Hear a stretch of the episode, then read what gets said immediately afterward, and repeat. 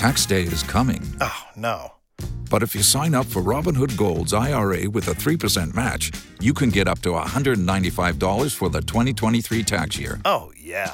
Sign up at Robinhood.com slash boost by tax day to get the biggest contribution match on the market. Subscription fees apply. Investing involves risk. 3% match requires gold for one year from first match. Must keep IRA for five years. Robinhood Financial LLC member SIPC.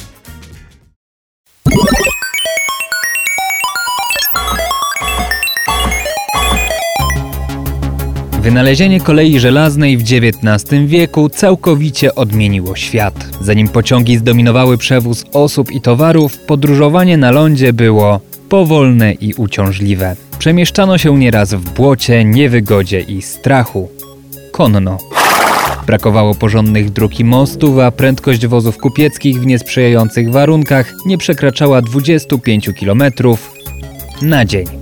Najszybsze i najbardziej komfortowe były dyliżanse. Mieściły kilkanaście osób plus przesyłki pocztowe. Kursowały na stałych trasach, na przykład z Warszawy do Wrocławia, a konie zmieniano co 40 kilometrów.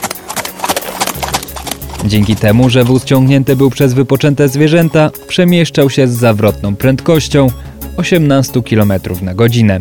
Średnio z taką prędkością poruszają się obecnie rowerzyści. Rowery jednak także jeszcze nie istniały, bo pierwszy powstał kilka lat przed pierwszą publiczną linią kolejową, oddaną do użytku w 1825 roku. Nie ma się więc co dziwić, że ówczesny świat zachłysnął się możliwościami i prędkościami, jakie dawała kolej. Już 20 lat po otwarciu pierwszej linii w samej Wielkiej Brytanii było 4000 km torów. W latach 60. i 70. XIX wieku w Europie powstawało kilkanaście tysięcy kilometrów nowych szlaków kolejowych rocznie.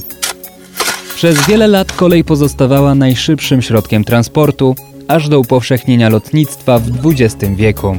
Dzisiaj samoloty pasażerskie poruszają się z prędkością do 1000 km na godzinę, pozostawiając w tyle pociągi. Nie sprawdzają się jednak na krótkich dystansach. Obecnie w transporcie dominują pojazdy kołowe, jednak wraz z rozwojem miast i rosnącą liczbą ludności drogi coraz bardziej się zapychają. Dlatego też rośnie zapotrzebowanie na szybki, zbiorowy środek lokomocji.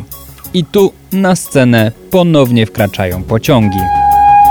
Francuskie maszyny TGV na regularnych liniach osiągają 320 km na godzinę. W próbach bicia rekordu prędkości najszybszy z nich rozpędził się do 574 km na godzinę. By wozić pasażerów jeszcze szybciej, konieczne jest pokonanie dwóch barier: oporów powietrza i tarcia. Z tym drugim radzi sobie japoński pociąg Maglev, który dzięki magnesom i całkowicie innemu torowisku niż te, jakie znamy z naszego kraju, lewituje nad szynami. To eliminuje nie tylko tarcie, ale także omija problem dynamiki koło szyna, gdzie występują zjawiska rezonansu ograniczające bezpieczny zakres prędkości. Dzięki temu lewitujący Japończyk może rozpędzić się do 603 km na godzinę.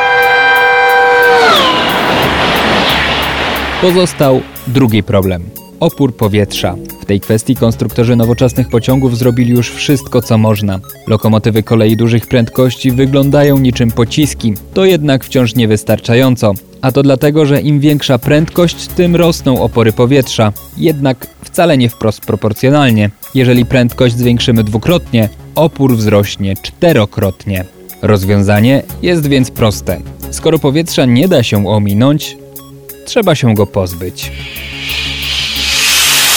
Taki pomysł przedstawił w 2012 roku wspominany już wielokrotnie w update'cie technologicznym miliarder Elon Musk. Jego projekt, nazwany Hyperloop, zakłada stworzenie niemal próżniowych tuneli, w których na magnetycznej poduszce kilka milimetrów nad torowiskiem poruszać się będą kapsuły pasażerskie mieszczące 28 osób. Dzięki takiej konstrukcji pojazdy mają osiągać prędkość dźwięku, czyli 1200 km na godzinę. Oznacza to, że podróż z Katowic do Gdańska zajęłaby 23 minuty. Jak to określił sam pomysłodawca, Hyperloop to skrzyżowanie działa elektromagnetycznego z Concordem i stołem do Cymbergaja. W Kalifornii, niedaleko siedziby SpaceX, powstał tunel, w którym firma testowała nowe rozwiązanie. W 2022 roku został on jednak rozebrany, a Elon Musk stwierdził, że realizacja projektu zostanie odłożona w czasie. Nad Hyperloopem pracują także naukowcy z Uniwersytetu Technologicznego w Monachium. Stworzyli nawet nieduży prototyp, któremu udało się rozwinąć prędkość niemal 500 km na godzinę. Teraz Niemcy chcą przetestować swoje rozwiązania w pełnej skali. W Bawarii powstać ma demonstrator technologii o długości 24 metrów. Nieco dłuższy tunel zamierza zbudować szwajcarska firma Eurotube. W 2024 roku koło Curychu powstać ma 120-metrowy tunel testowy. Technologia jest obiecująca, chociaż nie brakuje słów krytyki. Krytycy zwracają uwagę na kwestie bezpieczeństwa i konieczność budowania tuneli z ogromną precyzją. Nawet niewielkie przesunięcia konstrukcji spowodowane ruchami tektonicznymi czy zapadaniem się terenu mogłyby doprowadzić do katastrofy. Trudne byłoby także utrzymanie szczelności i niskiego ciśnienia w tunelach. Sam przejazd w zamkniętej tubie pojazdem bez okien z dużymi przeciążeniami spowodowanymi przyspieszaniem do 1200 km na godzinę mógłby być przerażający. Niewątpliwie jednak pomysł jest ciekawy. Jeśli kiedyś uda się go wprowadzić na dużą skalę, Hyperloop może być dla rozwoju ludzkości tym, czym kolej żelazna była dla ludzi żyjących w XIX wieku.